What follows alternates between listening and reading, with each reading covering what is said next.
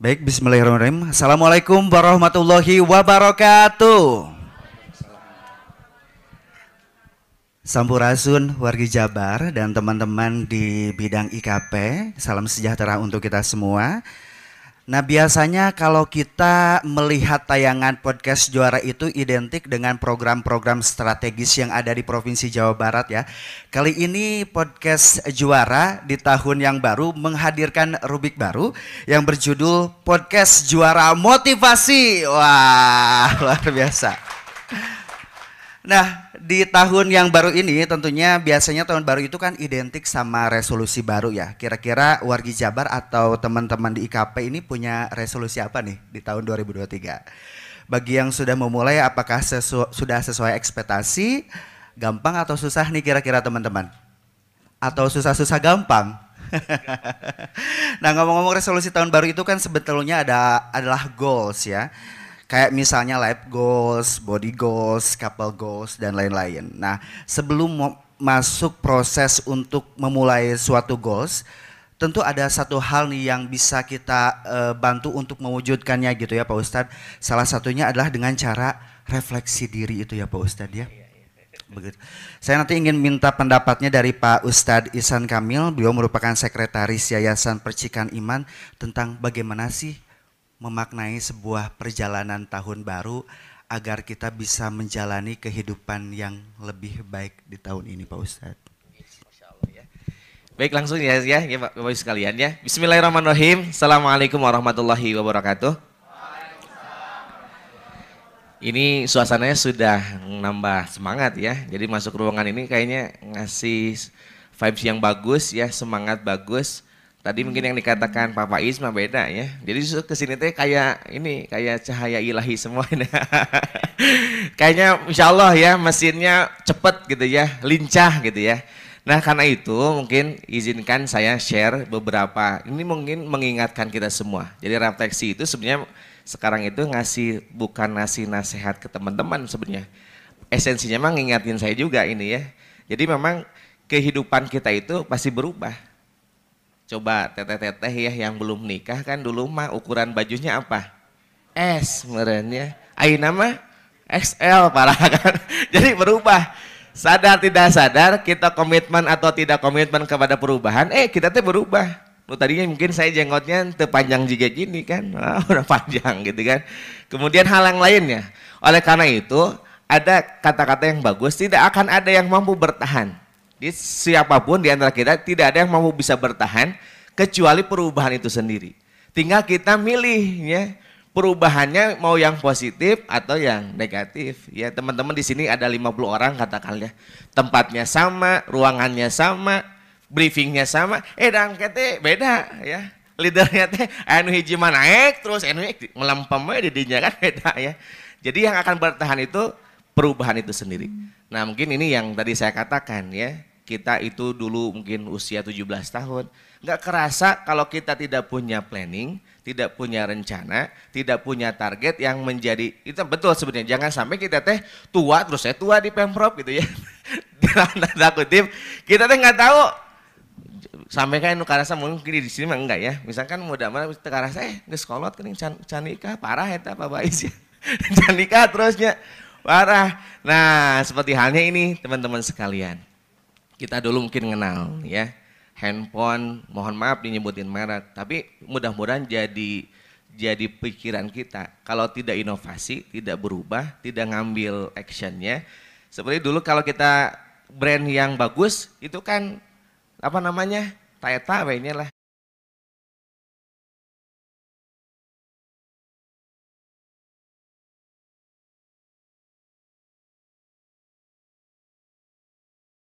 kita kami mikirin nikah kami mikirin bagaimana memperbaiki diri kita. Semua target target target sampai jam dua subuh teh lewat hajut lewat.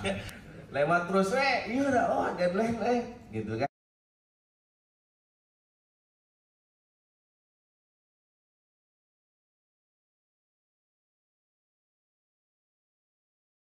Jadi lebih baik maka suatu saat akan tertinggal.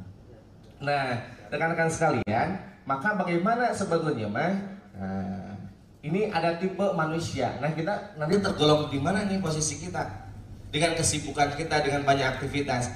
Ada yang tergolong pertama itu apa?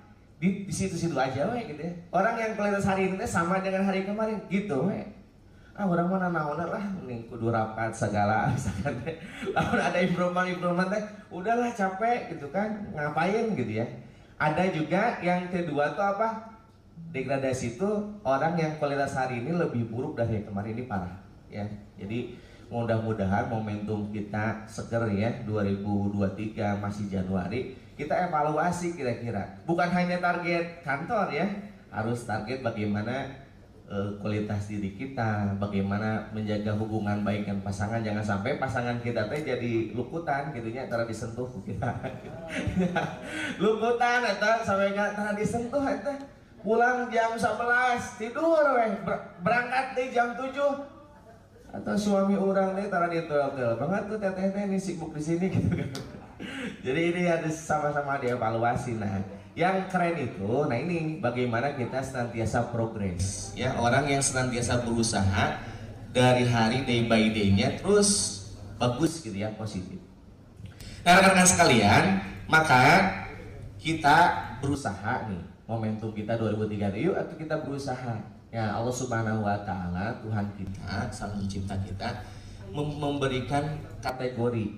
Ada usia itu atau katakanlah umur itu ada umur biologis.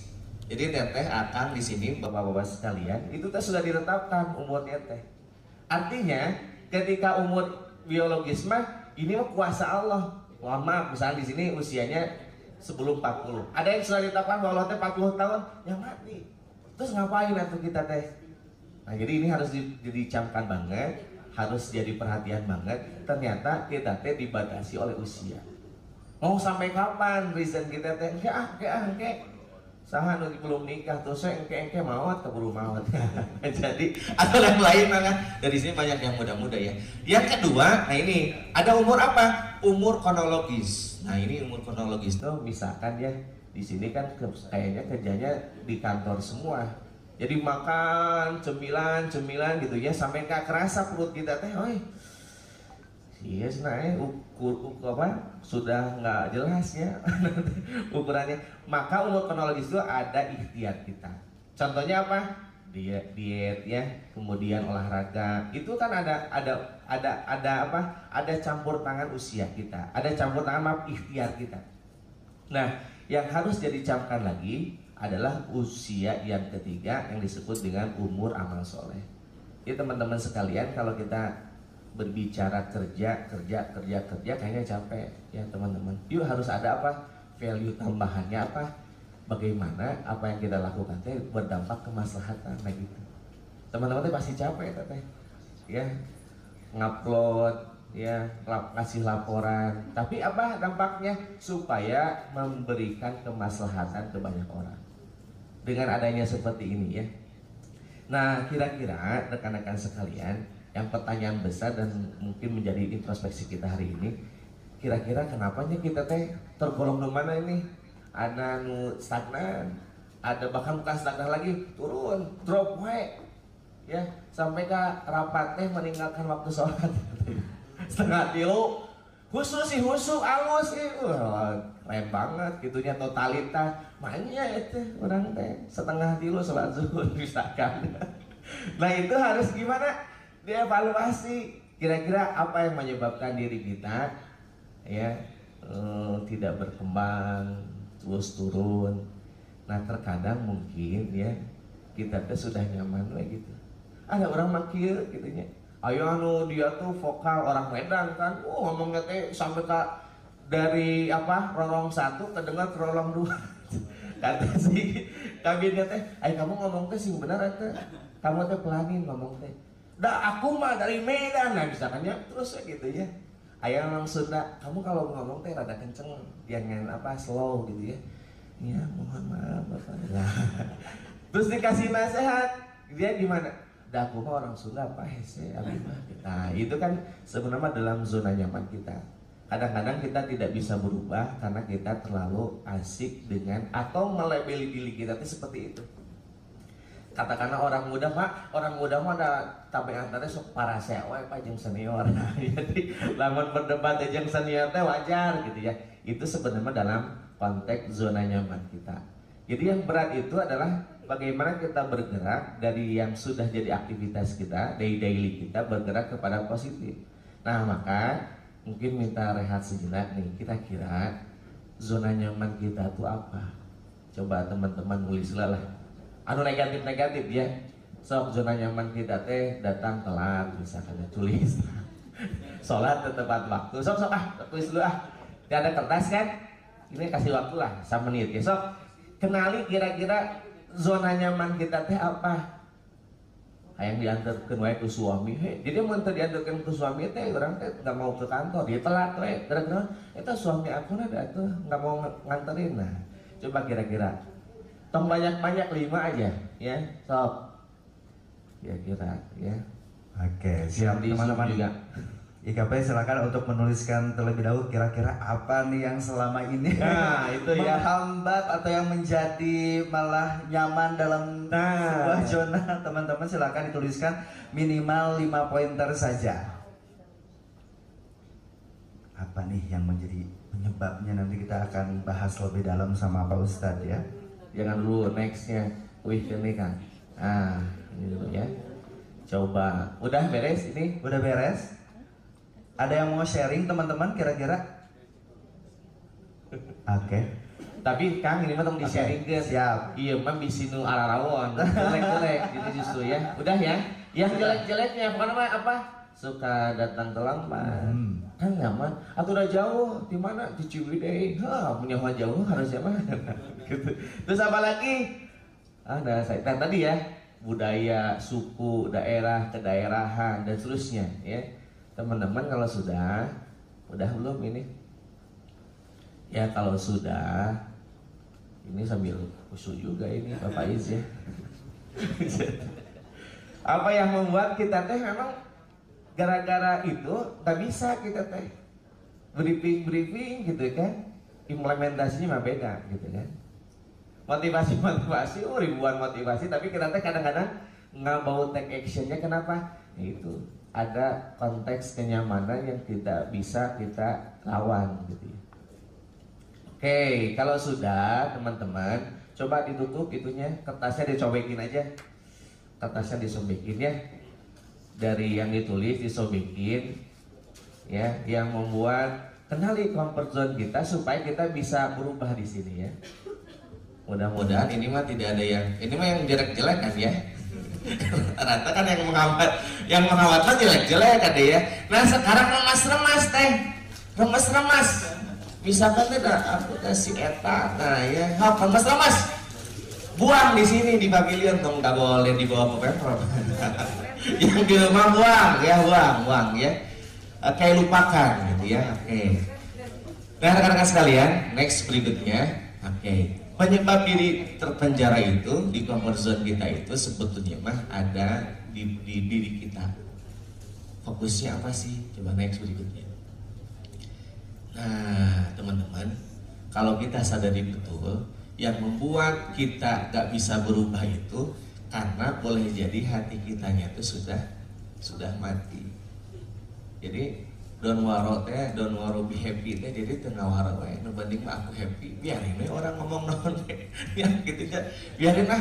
Nangis biasa aku mah palingnya dipanggil terus dipanggil tadi diberi SP nah udah selesai gitu kan. Nah teman-teman sekalian boleh jadi hati kita yuk apa sudah mati? Apa cirinya? Hati yang tidak mampu merespon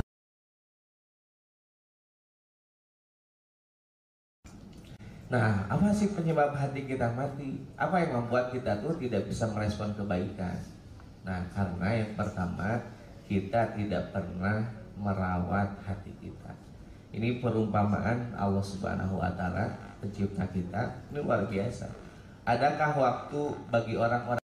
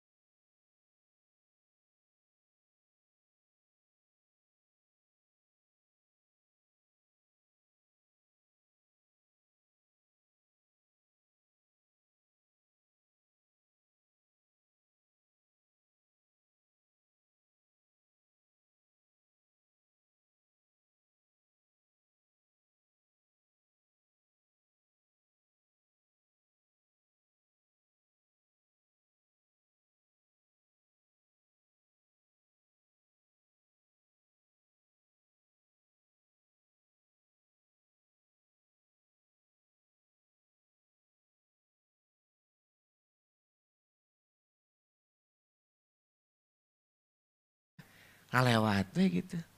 Kenapa? Ciri teman-teman hatinya itu sudah apa? Sudah mati. Jadi yang sudah mati mah ustadz sekelas apa pun masih handalil se sebanyak mungkin nggak akan masuk ya. Oke, itu yang pertama. Jadi karena tidak pernah dirawat. Yang kedua, ini balik lagi. Yang kedua itu apa tadi? Diperbudak hawa nafsunya. Ya, tadi sudah. Oke, yang ketiga, teman-teman, berdiam diri di lingkungan negatif ya, teman-teman sekalian. Jadi bagaimana kita itu tidak bisa berubah karena komoditas kitanya gitu. Ya.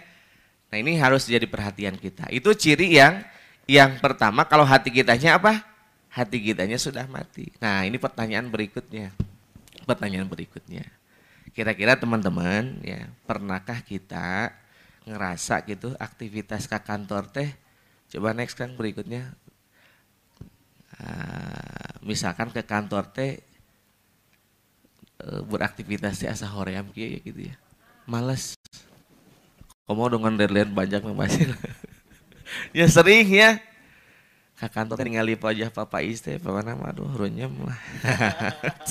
kamu terus dipanggilnya eh, ya deadline can beres gitu ya jadi hampa gitu. Jadi meninggali Senin teh astagfirullahaladzim gitu kan. Udah cuci muka berapa kali asa deg-degan gitu kan. Atau kita teh merasa bosan teman-teman sekalian atau pas ibadah teh tidak berdampak apa pun. Jadi pas ibadah teh sholat mah sholat. Tapi hanya memenuhi itu kayak gitu. Ya sampai-sampai misalnya bilah mudah-mudahan di sini mah tidak ada. Jadi sampai kita teh tidak ada karena tidak dapat tes sholat itu dapat energi kepada kita. Jadi kita pas mendengar adan teh ya, ah santai we gitu. Dan ngapain sih sholat ek tepat waktu jeng tuh oke sama nah ini bahaya. Tahu tidak kita tuh tadi mah mati kalau ngerasa hampa seperti itu ya zikir mah zikir bahkan lain gitu zikir teh orang kakak fotoan kelakah ngenteng gitu kan ya. Terus zikir teh lain-lain, non teh pas salam teh lain zikir kelakah. Ningali WA. Nah berarti mohon maaf teteh akang semua berarti ada yang salah. Apa yang salah? Nah, tadi mah mati tuh. Kita mah yang kedua ini mah apa? Hati kitanya teh sakit. Hati kita teh sakit. Ibu bapak sekalian kalau ditanya makan bakso enak nggak? Makan apa lagi yang enak. Tapi mungkin sakit, seblak, aduh seblak zuhur ya, eh, ceker, tulang, mantap karunya eta ucing enak mah jadi menangis protesnya karena seblak, seblak tulang kan kucingnya jadi nggak kebagian. Nah rekan-rekan sekalian ini apa penyebabnya ya? Nah ini mudah-mudahan tidak ada sebenarnya dalam diri kita. Apa yang pertama yang membuat kita sakit hati itu karena ini ini ada nggak di sini? Naudzubillah. Mudah-mudahan tidak ada ya. Jadi yang membuat hati kita sakit itu karena kita teh ngerasa paling pang-pang nak gitu. Da diskom info kalau nggak ada gua mah parah cina ada nggak ada gua mah mau beres sok. Deadline kayak hancur sok. Dah siapa tuh aku? Wah Kan ini mau jadi leader-leader semuanya. Jadi kalau teman-teman punya sifat ini, ini sedikit lagi bakal mati. Kalau sudah mati, siapa pun yang ngomong, apa pun vibes-nya itu udah we, lewat lewatnya gitu. Hanya hanya ini aja, lewat masuk telinga kanan, keluar telinga kiri gitu ya. Nah, maka ini kenapa arogan itu berbahaya, bahkan jadi sakit, lidah kitanya jadi sakit, tidak bisa merasa gitu ya. Yang tadinya enak dia tidak. Kenapa? Karena sudah ada apa batarul hak ya. Batarul hak itu menolak kepada kebenaran. Wagum tunas meremehkan orang lain. Jadi kalau sudah ada weh eh orang mah namun nggak ada aku ya. Wah mulai nggak ada aku ini bahaya. Yang kedua apa teman-teman sekalian? Nah ini penyakit yang memang senantiasa nah ini e, lewat saja ya. Oke yang kedua yang membuat hati kita sakit itu apa? Adalah rasa hasud. Jadi rumusnya teh senang ngelihat orang lain susah, susah ngelihat orang lain senang. Jadi lamun anu parah teh itu kan dipecat si eta mah alhamdulillah halus lah.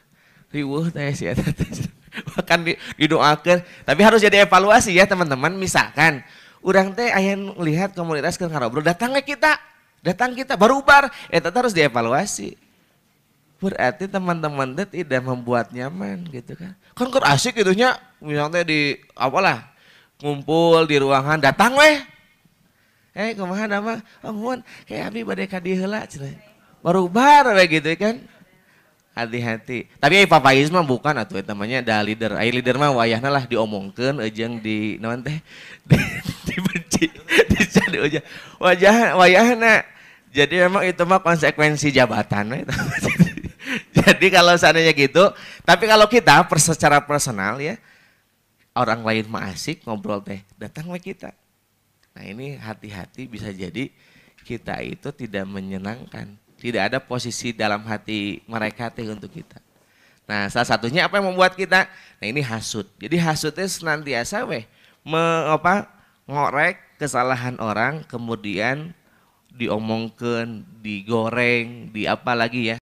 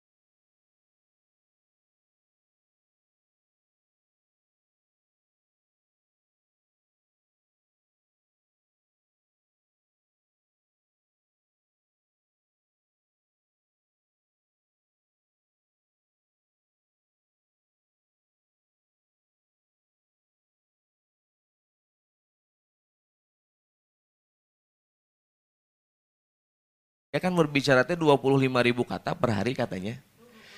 Jadi mun urang geus rapat teh isi urang teh sok curhat. Padahal mah urang teh itu penting-penting bisa sih ngomong urang Mudah-mudahan isi saya teh tengah lihat ya bisi. Jadi mun orang geus rapat teh kan capek. Laki-laki mah 7 ribu sampai 11 ribu Bapak Is. Ya, mun orang pulang aja ke rumah isi urang mah kan si urang teh itu penting. Tapi lamun penting kan bahaya orang muali buka tah kamar.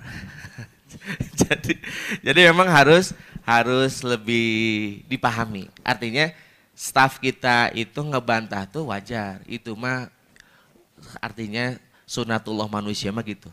Tinggal bagaimana di manage gitu ya. Oh, dikasih liburan gitu. Dikasih bonus. Jadi mun mun beri bonus mah nggak bantah kayak oh siap. Tadi nana lemur lemur lemur teka hati meren pekdes gini nanti ada bonus perayaan kinerja langsung. Ya siap siap siap siap. Oh jadi memang itu bagian manajemen lah ya.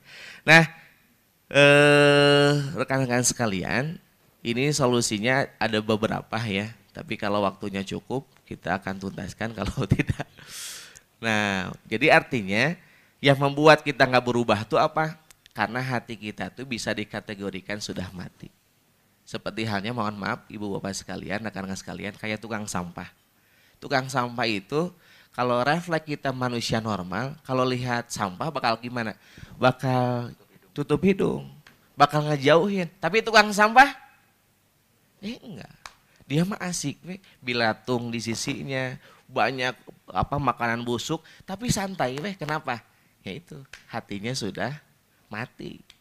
Penciumannya sudah normal gitu. Nah, kalau kita melihat, nah si mah parahnya kumaha iya, keburukan teh aya we di mana? Tapi dikatain apa pun nggak berubah. Kenapa?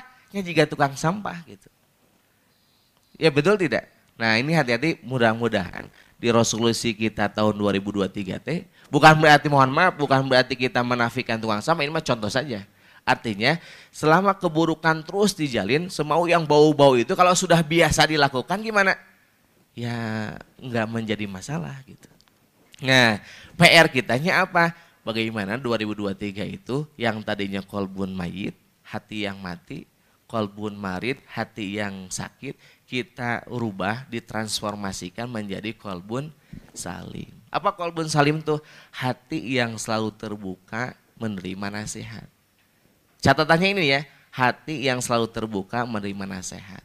Jadi mohon maaf, kenapa Nabi Musa bertemu dengan Fir'aun doanya Robi Sohli, Sodri, Wayasirli, Amri. Jadi Bu, Pak, rekan-rekan sekalian, kalau hati kita lapang, jadi mau bertemu dengan Papa Is memang kudu dilapangkan hela, kudu happy orang teh.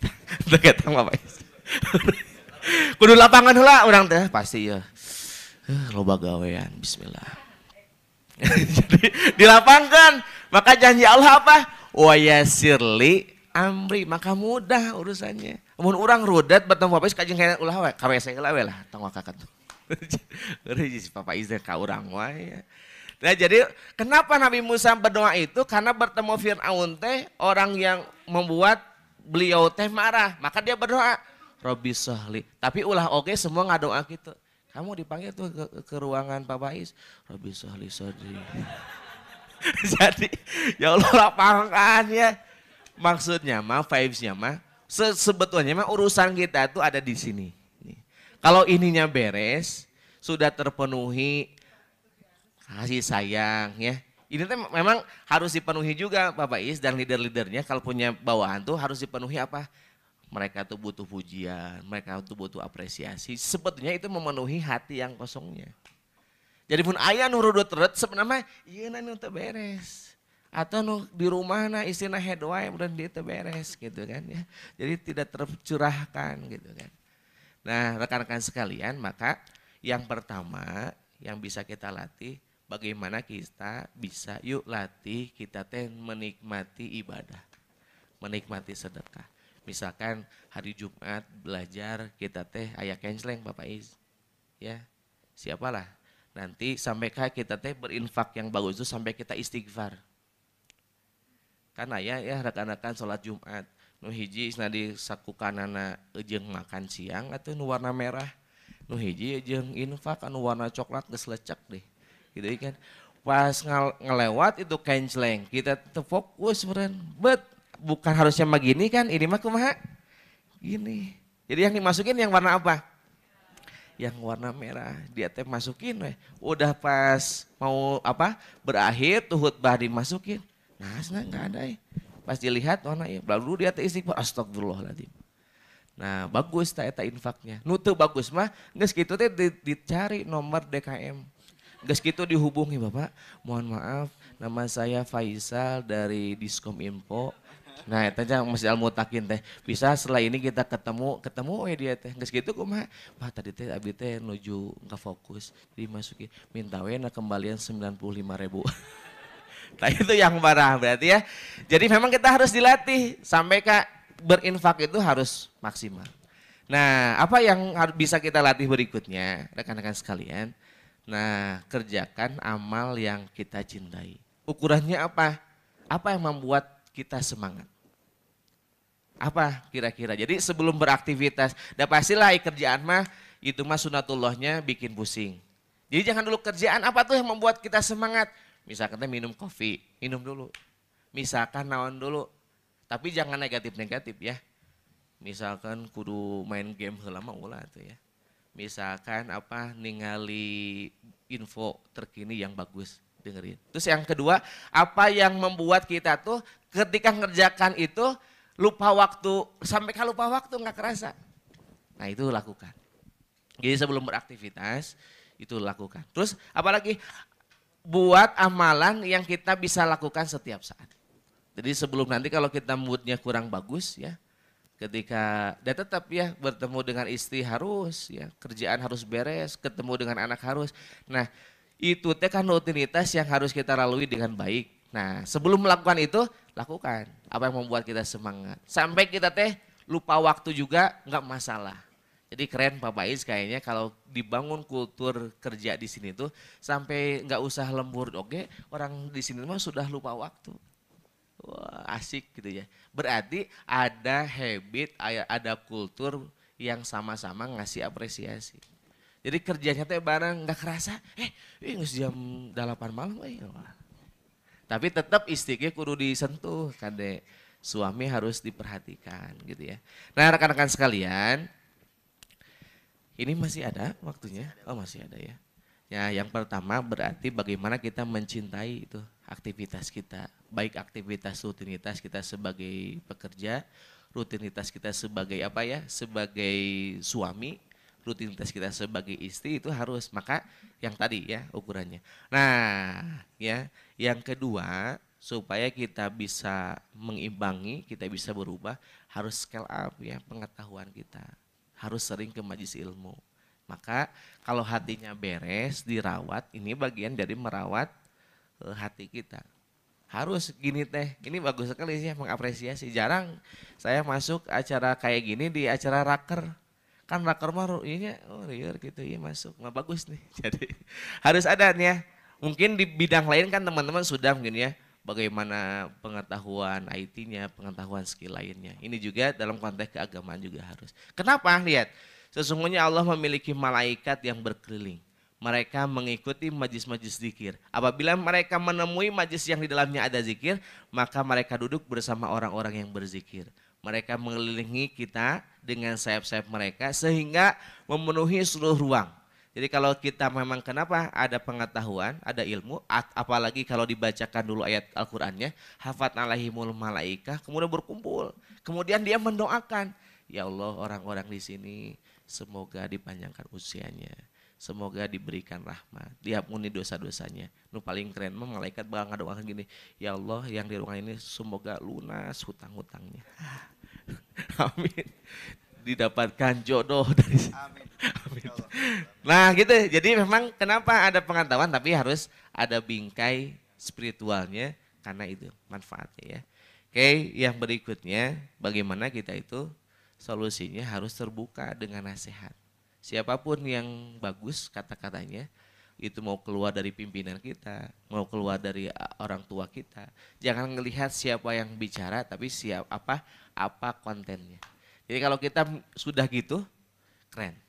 Jadi kalau kita ngelihat Amun Fafaiz mah langsung lamun sesama staff mah cicing lah ngomongnya juga nu wae udah gini tehnya besok weh ayo dia teh bener. Eh assalamualaikum. Saya doakan. Hmm saya tak insaf nah karena ke insaf nah eta teh ngasih vibe yang buruk. Jadi kalau ada yang berubah tehnya siapa pun weh dari sesama kita harusnya mah dikasih ini apresiasi. Oh bener ya kamu. Gitu jangan sampai hanya dari atasan saja kita terbuka nasihat. Yang kedua eh maaf yang keempat bagaimana kita bisa mengintrospeksi diri kita dengan bertobat. Jadi yang keren itu setiap ada masalah jangan ngelempar dulu ke orang. Tapi selalu pimpinan gitu ya saya ini leader-leader gitu. Oh boleh jadi staf orang kari itu teh saya eh kayaknya mah dilihat diintrospeksi dulu. Jangan dulu langsung ke ke bawahan kita ya. Oke, yang berikutnya rekan-rekan sekalian, bagaimana kita memiliki kesolehan vertikal. Kesolehan vertikal itu apa? Kepada Allah. Jadi ngedoa. Jadi jangan sampai kenapa kita arogan karena kita tidak pernah berdoa. Jadi kalau kalau kita sering berdoa, apa pun teh selalu weh kepada Tuhan kita. Ya Allah mudahkan, ya Allah lancarkan. Setiap kegiatan kita diawali dengan doa sebetulnya itu ngelatih bagaimana merangsang hati kita tuh kita itu nggak ada segalanya nothing kita teh. Tidak ada kecuali hanya dengan izin Allah. Nah ini keren banget nih. Jadi keren lah banget kalau waktu ada rapat break wah ya emang luar biasa. Karena bakal berkah lah. Di Scope Import tadi kan juara podcastnya udah gitu mau bakal nasional coba. Amin ya. Tapi harus punya itunya. Nah kesolehan vertikal Nah ada juga kesolehan sosial. Ngasih kegiatan yang maslahat. Seperti kemarin Pak Faiz memang luar biasa ya kolaborasi dengan komunitas. Banyak banyak orang yang tersadarkan dengan edukasi. Itu bagian kemaslahatan Diskom Info tuh. Banyak info maslahat di-share ke banyak orang. Jadi tadinya orang karena kalau di-share itu kan ilmu, ilmu itu sebenarnya bisa membatasi ngerem setiap orang. Yang tadinya dia berbuat karena pola pendidikan salah ya. Kalau dia share ilmunya dari Disko Info, tahu, uh jariahnya Bapak-bapak sekalian ya luar biasa. Oke, yang terakhir lah ya. Yang terakhir ini jangan menunda kesempatan inilah sampai di sini saja ya. Jangan menunda kesempatan. Kita sama Allah nih hari ini dikasih uh, posisi yang bagus. Teman-teman tuh di semua orang tuh banyak yang pengen kerja di sini teh. Tapi gagal. Kalian teh capek. Mending mana capek digawe daripada capek teboga pekerjaan teh itu. Maksudnya teh jangan sampai kesempatan ini teh dibuang sia-sia. Ah ya sama-sama teman-teman usianya kayak teman-teman ya. Tapi gimana? Mantap saya mah ini kan saya baru pulang umroh tuh pas ke sini teh capek sih teh saya alhamdulillah ku Allah diberi aktivitas ah yuk daripada capek tidak punya aktivitas. Jadi teman-teman camkan itu ya. Kenapa? Kata Ibnu Umar, jika kamu punya kesempatan pada waktu sore, jangan kamu tangguhkan sampai pagi. Jika kamu punya kesempatan waktu pagi, jangan tangguhkan sampai sore. Nah ini catatan pentingnya gunakan masa sehatmu sebelum sakit. Maksa apa maksimalkan amal selagi hidup sebelum ajal menjemputmu.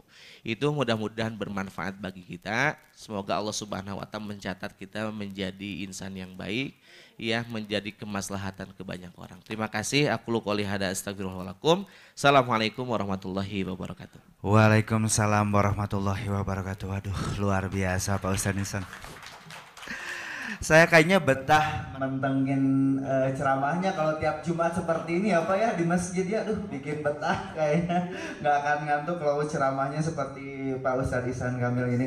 Baik, uh, teman-teman barangkali di sini ada yang ingin bertanya, kita akan ngasih kesempatan dulu ke teman-teman Bapak dan Ibu, barangkali ada yang ingin bertanya seputar materi yang tadi sudah Pak Ustadz sampaikan. Mangga. Baik, sambil menunggu Pak uh, ada sebuah quotes bahwa pribadi yang beruntung itu adalah pribadi yang bisa lebih baik daripada hari kemarin begitu betul, betul. Namun pada realitanya kita selalu dihadapkan oleh masalah-masalah yang baru gitu, iya. kondisi-kondisi yang baru yang tidak bisa kita kontrol, hmm. yang membuat kita menjadi uh, apa out of control istilahnya yeah. seperti itu. Nah, bagaimana kira-kira kita bisa keluar atau memperbaiki diri supaya tidak berlama-lama untuk berada dalam masalah tersebut gitu, Pak Ustadz? Iya. Betul ya, kata Allah Subhanahu wa taala. gini, auzubillahi minasyaitonir wa tilka ayyaman udawiluha bainan nas. Jadi pada dasarnya itu semua kondisi kita tuh akan diputarkan. Maka dalam kondisi diputarkan itu ada orang yang adaptasinya cepat, dia bisa apa? Dia bisa berubah. Kalau dia adaptasinya lama, itulah masalahnya. Maka sebenarnya dalam konsep berubah itu tidak ada yang instan sebenarnya. Justru dengan banyak masalah itulah Allah itu menguatkan kita dengan masalah. Maka setiap apa pun teh itulah terima itu teh yang terbaik buat kita. Jadi namun cek bahasa target ya. Saya kalau ke anak-anak teh, eh target man tong di pikiran, tapi kumaha dijalani weh gitu ya. Misalnya target ini harus gini gini gini, termasuk juga kehidupan kita. Ya bagaimana kita sebagai seorang muslim atau sebagai seorang manusia yang baik itu adalah menjalani weh gitu. Memang memang berat gitu ya. Jadi berat ini teh menjalani setiap apa setiap aktivitas tuh. Tapi yang keren itu kita merasa ini teh pasti yang terbaik. Karena gini, kita itu berjalan di takdir Allah. Kalau bahasa orang muslimah ya, kita itu berjalan di takdir Allah. Kalau seandainya kita kan nggak tahu besok itu akan seperti apa. Nah kak, kita mah tugas kita mah mencoba, mencoba dengan cara ini. Nggak nggak nggak sesuai ini coba lagi. Tapi hati kitanya yang harus dikondisikan. Ini teh yang terbaik itu dari Allah teh. Coba solusi ini. Gagal lagi, nggak usah frustasi. Coba lagi, coba lagi yang akhirnya nanti kita menemukan pola yang itu menjadi jalan setiap masalah tuh kan. Oh nanti teh kalau masalah sama gini mah harus gini, sama si Fulan mah harus gini gitu. Tapi memang kembali kenapa tadi yang menghambat kita berubah itu kenapa hati karena hati ya yang memberikan nilai, mengasih label kita itu, iya mah masalahnya berat. Itu hati sebenarnya. Ini teh masalah kecil. Karena kalau masalah kecil, hati kita nyaruat jadi masalah besar. Gitu ya. Allahu alam bisawab. Aduh luar biasa. Boleh beri tepuk tangan yang meriah dong Bapak dan Ibu sekali lagi untuk Ustadz Isan. Mangga Akang Teteh, Bapak dan Ibu, kami akan memberikan kesempatan untuk Anda bertanya seputar materi yang sudah disampaikan atau barangkali ada yang mau curhat. oh, Mangga, silakan kita akan memberikan kesempatan untuk Bapak dan Ibu kepada dua orang pertanya, uh, penanya terlebih dahulu. Silakan. Ada yang ingin bertanya? Oke, silakan Teh Yulia.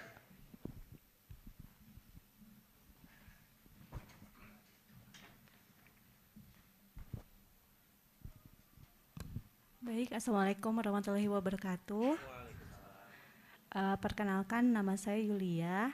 Saya ingin bertanya karena kegiatan sehari-hari mungkin ya, uh, maksudnya uh, ya, saya ingin bertanya lebih ke uh, keseharian kami, bagaimana Pak Ustadz caranya uh, mengurangi atau membentengi diri agar kita tidak julid terhadap orang lain gitu, ta. tidak ikut campur dengan urusan orang lain dan uh, izin apabila misalkan kita uh, dibicarakan oleh orang lain yang memang tidak kita lakukan itu seperti apa Pak Ustadz? Uh, tindakan kita sebaiknya seperti apa? Hatur nuhun Pak. Oke, okay. memang itu teh Teh Yulia memang saya kisah atul emang ngomongkan batur teh ya. Jadi itu apa artinya bagaimana sikap kita supaya tidak ikut campur. Memang ini di antara dilema. Artinya kalau seandainya itu teman kita ya Artinya sebaik-baiknya kita itu memang bagus ya mah ada kalau dalam Islam itu si namanya itu tabayun. Tabayun itu adalah mengkonfirmasi. Tapi budaya orang Sunda tabayun itu teh hal yang berat. Karena kan kita teh tahu keburukan terus disampaikan. Nah itu teh berat. Jadi enak mah kumaha diomongkan gitu ya. Karena ini bahayanya kalau kita jadi memang salah satu yang bisa ngerem kita itu kita harus tahu bahayanya. Bahayanya teh Yulia kalau kita ngomongin itu teh ngebakar seluruh amal soleh kita. Apalagi karena gini, ada yang disebut dengan gibah. Gibah mah apa? Kita bicarakan tapi itu teh benar. Bapak istri emang benar seperti itu, ku orang teh diomongin, itu teh gibah. Kalau di luar yang di benar misalkan Pak siapa? Pak Nino teh gini, dia teh memang bawel. Ku saya omong bawel saya mah. Dan memang jadi MC ya teman teman bawel mah mau jadi MC kan. Bawel. Nah, itu teh kan benar, itu teh gibah. Amun dia nggak benar, misalnya saya teh membicarakan hal yang sesuatu yang tidak benar, itu namanya apa? Fitnah. Fitnah lebih parah lagi kan. Fitnah itu lebih jahat daripada kita membunuh. Jadi fitnah itu apa kondisinya? Kondisi ketika kita ngasih media, nah ini teman-teman media hati-hati itu ya. Kalau sampai ke membingungkan informasi itu mana sih? Covid-nya sebenarnya kumaha sih sampai kalier kieu? Tak sampai ke umat liar, itu teh fitnah. Sampai tidak bisa membedakan mana yang baik, mana yang buruk gitu kan. Nah, dengan adanya teman-teman di Skom Info itu, hal-hal yang rame yang tidak jelas itu teh disampaikan sedetail mungkin sehingga orang-orang awam teh bisa paham oh ini yang jelasnya. Nah jadi teman-teman bagaimana menghindarinya? Harus karena ilmu itu salah satu fungsinya adalah mengerem kita.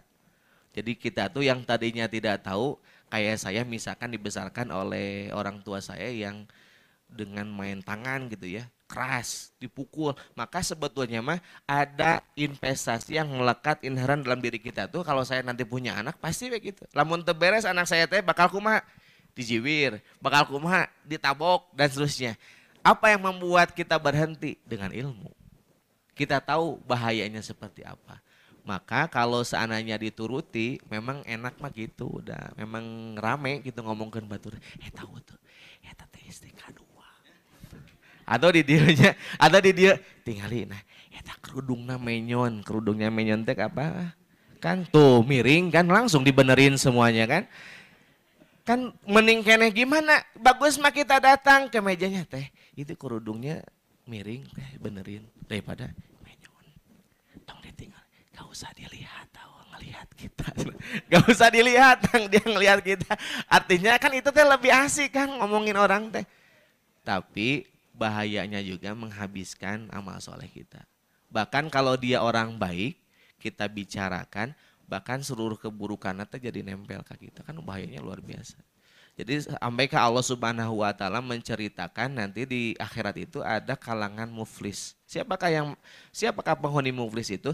Mereka yang diambil amal solehnya untuk apa menutupi seluruh kekurangan-kekurangan gitu. Jadi jadi nanti teh di pas nanti kan ada hisap hisap tuh diaudit gitu.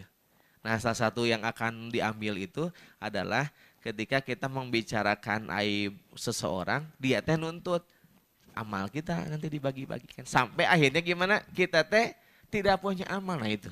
Jadi yang akan mengerem teh Yulia untuk membicarakan orang lain apa? Harus tahu ilmunya dan bahaya dari julid itu itu ya teh Yulia tapi dah memang resep sih edatanya ngomongkan batu teh tidak bisa dipungkiri. Hese karena pahalanya juga besar gitu ya. Kalau kita tidak bisa tidak bisa ngerem julid itu keren banget gitu ya. Allahu a'lam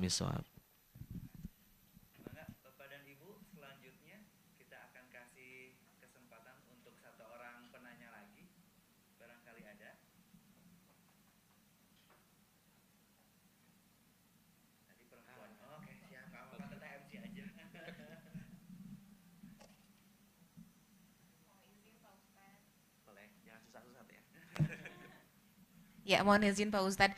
Jadi gini, uh, ketika lagi sholat itu terkadang kita kosong. Jadi ya udah sholat gitu ya, tapi lupa kadang rokaat berapa ya gitu. Yeah. Nah, yang ingin saya tanyakan begini, bagaimana sih caranya melibatkan atau menghadirkan Allah gitu ya dalam setiap uh, tindakan kita, baik itu di kantor ataupun di rumah gitu biar kita nggak nggak kosong kayak tadi gitu Pak Ustadz. Ya gitu aja Iya betul betul. Ih luar biasa banget ya. Ini banget luar biasa keren banget nih. Kalau ini sudah melekat diri kita namanya itu kayak saya. Dalam konteks tauhid itu namanya ihsan. Bagaimana kita itu merasa diawasi merasa dilihat merasa dipantau. Papa Is kalau semua insan-insan di sini sudah seperti itu atau ngeriweh, ngeriweh target-target semua sudah total ya dengan Allah. Maka bagaimana latih bahwa Allah tuh hadirkan dalam setiap aktivitas kita. Maka sebelum beraktivitas, ibu teh berjalan nih. Nah di rumah tuh kasih vibes-nya. Ya Allah, gitu bilang. Ya Allah mudahkan aku. Sampai kita satu saat yang keren makan kita tuh seperti curhat ke Allah tuh. ketika bilang baca surat Al-Fatihah Bismillahirrahmanirrahim. Itu teh dalam benak kita tuh muncul ya Allah yang Maha Pengasih, Maha Rahman. Alhamdulillahirobbilalamin segala puji bagi. Jadi memang khusyuk. Artinya langkah pertama yang harus dilakukan setiap apa yang kita baca harus tahu artinya. Itu yang pertama. Yang kedua, itu tuh harus dilatih. Artinya setiap ketika Allah ingin melibatkan kepada kita seperti berdoa harus dilatih kita teh menangis gitu kan kita teh benar-benar difokuskan momen itu teh momen terbaik jadi setiap sholat teh berarti kumaha handphone atau sholat tong nyanak handphone berarti tinggalkan karena mun handphone masuk anggar we baca ke WA udah gitu teh kumaha ningali status batur yang serikeun nah jadi memang tidak bersih jadi harus dilatih kumaha Gak bawa handphone sholat teh. Fokus. Dan memang kita komitmen 15 menit itu untuk ngedoa dan sholat. Jadi kita teh mau untuk mau berdoa karena kadang-kadang kita tuh butuh latihan. Jadi ke mana harus dilatih. Dilatih, we meminta. Ya Allah, ya Rahman, ya Rahim. Ya Allah berikan aktivitas yang baik untuk hari ini. Ya Allah mudahkan setiap urusan. Jadi kalau kita mem, mem, apa, memancarkan hati kita kemudian Allah senantiasa dalam kehidupan kita. Sudah ada yang sukses, bilang Alhamdulillah. Balik kepada Allah gitu. Karena kalau itu tidak dilatih, nanti teh bakal ngeklaim itu teh hasil jerih payah kita. Nah gitu, jadi memang butuh butuh latihan dan itu berproses teh. Jadi berproses sampai akhirnya teteh itu benar-benar merasa diawasi, semua itu dikembalikan ke Allah. Setiap ada ujian, kalau udah keren gitu, ketika pada ujian teteh teh mau frustasi. Ah ini mah dari Allah yang terbaik. Nah, ringan we. Dan ini ya luar biasa Nabi Musa itu berdoa kalau Robi Sohli Sodi, kalau sudah di lapangan hatinya teh nggak ada masalah yang berat. Ringan we gitu. Ah bismillah. Diomongkan teteh teh Yulia ke orang, ah, baik biarin, nggak tahu nyawa, kentah ama orang mere. kan ringan kan, karena kita tahu ilmunya, kita lapang gitu hatinya. Tapi kalau hatinya ruwet, namun omongkan eh si eta teh ngahutang ka orang teh nginjem ka kita, mobil eta mobil nginjem ngarental, eh ngomongkan deh kan langsung gitu ya. Ringankan, hempaskan dan nanti ada semuanya ada balasannya. Wallahu alam bisawab. Baik, boleh beri tepuk tangan yang meriah sekali lagi dong Bapak dan Ibu. Waduh, luar biasa. Pak Ustadz, betah nama betah kene kita masih ngobrol di sini namun kita terbatas oleh waktu mudah-mudahan kita bisa berjumpa lagi di lain kesempatan terima kasih sudah meluangkan waktunya yang terbaik untuk bisa berbagi dengan teman-teman IKP dan juga seluruh warga Jawa Barat yang saat ini sedang menyaksikan Semoga apa yang disampaikan bisa menjadi sebuah kebaikan dan kita bisa menjadi pribadi yang lebih baik lagi dalam menyongsong tahun 2023 ini Pak Ustadz. Pak Ustadz terakhir barangkali ada yang ingin disampaikan? Ya, ya udah lengkap ya. Artinya memang permasalahan kita itu adalah bagaimana kelapangan kita untuk menerima. Jadi kalau suatu saat teman-teman tuh apa ya eh, ada yang kecewa, biarkan saja dan nanti mah memang bergirir gitu. Ada masanya kita tuh. Jadi teman misalkan Pak Faiz sekarang masanya di sini. Tapi, tapi suatu saat Allah tuh akan menguji kita ditempatkan di tempat lain yang posisinya tidak diapresiasi di sini. Nah, kalau hatinya kita lapang, teman-teman, jadi kunci dari semua perubahan itu adalah bagaimana kelapangan hati kita, bukan hanya menerima kebaikan, tapi menerima segala kekurangannya. Dan yakinilah sebetulnya mah kalau kita itu berjalan di antara takdir yang satu dengan takdir yang kedua. Jadi tidak bisa teman-teman tuh menghindari permasalahan. Karena Allah itu merahasiakan. Maka apa yang membuat ringan adalah dengan doa. Karena Allah tidak karena Allah tidak ngasih tahu ke kita kan dan kita tidak tahu hari besok itu seperti apa, satu pekan ke depan seperti apa, maka yang akan meringankan kita kata Nabi itu yang bisa merubah takdir itu adalah doa. La yakdilul qadara ila doa. Tidak ada yang bisa merubah takdir kecuali doa. Maka teman-teman yuk kita libatkan Allah dalam kehidupan kita dengan cara berdoa. Amin ya Allah. Amin gitu ya teman-teman. Baik, Itulah dia tadi Bapak dan Ibu wargi Jabar perbincangan kita dengan Ustadz Isan Kamil SPDI seputar refleksi diri dan luruskan niat menyongsong tahun 2023. Terima kasih wargi Jabar sudah menyaksikan podcast Juara Motivasi. Sampai jumpa lagi di podcast Juara Motivasi dengan topik dan tema yang berbeda. Saya Nino pamit. Kanan Luna Maya, kiri Aura Kasih. Cukup sekian dan terima kasih. Bila hitopiq wal hidayah. Wassalamualaikum warahmatullahi wabarakatuh.